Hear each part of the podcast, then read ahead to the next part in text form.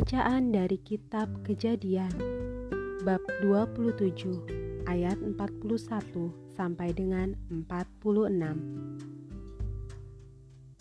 Yakub lari ke Mesopotamia.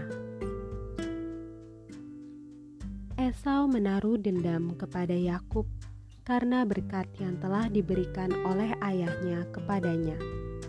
Lalu ia berkata kepada dirinya sendiri, Hari-hari berkabung karena kematian ayahku itu tidak akan lama lagi. Pada waktu itulah Yakub adikku akan kubunuh. Ketika diberitahukan perkataan Esau, anak sulungnya itu kepada Ribka, maka disuruhnyalah memanggil Yakub, anak bungsunya, lalu berkata kepadanya, Esau, kakakmu, bermaksud membalas dendam membunuh engkau. Jadi sekarang anakku, dengarkanlah perkataanku. Bersiaplah engkau dan larilah kepada Laban saudaraku ke Haran, dan tinggallah padanya beberapa waktu lamanya, sampai kegeraman dan kemarahan kakakmu itu surut daripadamu.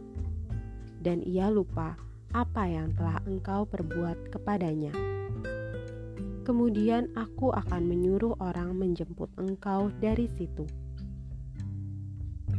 Mengapa aku akan kehilangan kamu berdua pada satu hari juga? Kemudian Ribka berkata kepada Ishak, Aku telah jemu hidup karena perempuan-perempuan Het itu. Jikalau Yakub juga mengambil seorang istri dari antara perempuan negeri ini, semacam perempuan Het itu. Apa gunanya aku hidup lagi? Demikianlah sabda Tuhan. Syukur kepada Allah.